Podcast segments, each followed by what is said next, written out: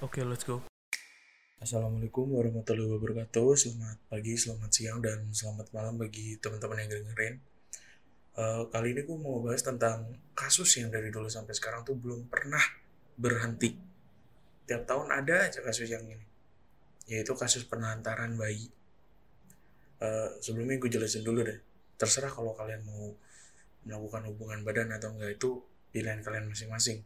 Dan jangan juga sampai gue keganggu tetapi kalau ada tiba-tiba ada pihak ketiga ini nih yang tiba-tiba nongol dan lu buang gitu aja ya gue pasti akan ngejelekin lu mau gimana pun itu. Ketika lu mau melakukan hubungan badan pastiin dulu aman atau enggak itu lu ngelakuinnya. Amannya tuh kayak gimana? Kayak memastikan kalau si putih-putih ini gak akan bisa masuk. Finansial lu stabil atau enggak? Mental lu siap atau enggak kalau hal terburuk itu terjadi? Bagaimana lu bisa mastiinnya ya nggak bisa lu mastiin kecuali si sinep sinep ini lu copot dan dibuat main sama cewek lu ini. Bagaimana untuk memastikannya? Ya lu dengan nikah dulu. Nikah itu menurut gue uh, kayak tanda bahwa lu itu udah siap buat terima segala rintangan bersama. Sekali sekali lagi gue ngomongin bersama. Gue gua nggak melarang kalian ngelik apa melakukan hubungan badan di luar nikah. Itu pilihan kalian. Terserah. Tapi yang gue tekankan adalah lu harus sadar juga kalau itu ada kecil kemungkinan kalau lu dan pasangan lu itu bakal punya bayi. Mempunyai bayi itu bukan hal yang mudah bagi pasangan yang belum siap. Ini adalah possibility yang kecil, tapi akan berpengaruh besar buat kehidupan lo nanti dan buat si bayi ini. Kasus penantaran bayi itu di Indonesia cukup besar. Gue berani taruhan setiap tahun, di lima tahun belakangan inilah katakanlah. Itu pasti ada kasus yang kayak gini gue ngomong gini bukan untuk uh, apa emang khusus untuk orang yang emang keduanya ingin melakukan hubungan badan ya. Ini pure, pure yang emang sama-sama mau diajak gitu. Pemilihan mereka pasti biasanya begini. Ya kan kita pakai kondom jadi ya selalu aja kali. Gini ya kondom itu hanya memberikan 99,99 persen kemungkinan untuk apa istilahnya kayak menutup gitu. 0,001 nya ini juga harus lu pikirin kita melakukan ini karena ada setan lewat. Kita hilaf. Allah tai. Nggak berlaku kalimat itu buat segalanya. Tinggal ngaku kalau lu tuh orang tolol. Silahkan gue tapi lu harus siap juga terhadap hal terbuka yang akan terjadi ke lu. Ketika lu udah emang pengen melakukan itu tandanya emang lu tuh udah siap untuk uh, ke jenjang yang berikutnya. Kita udah ada film yang judulnya dua garis biru. Di situ nyeritain gimana kalau lu berhubungan badan ketika di luar nikah. Terus pas hamil gimana dampak dari setelah lu hamil gimana kalau waktunya nggak tepat. Apa skenario terburuk itu yang terj yang bakal terjadi kalau lu ngelakuin hal itu itu udah ada di film itu.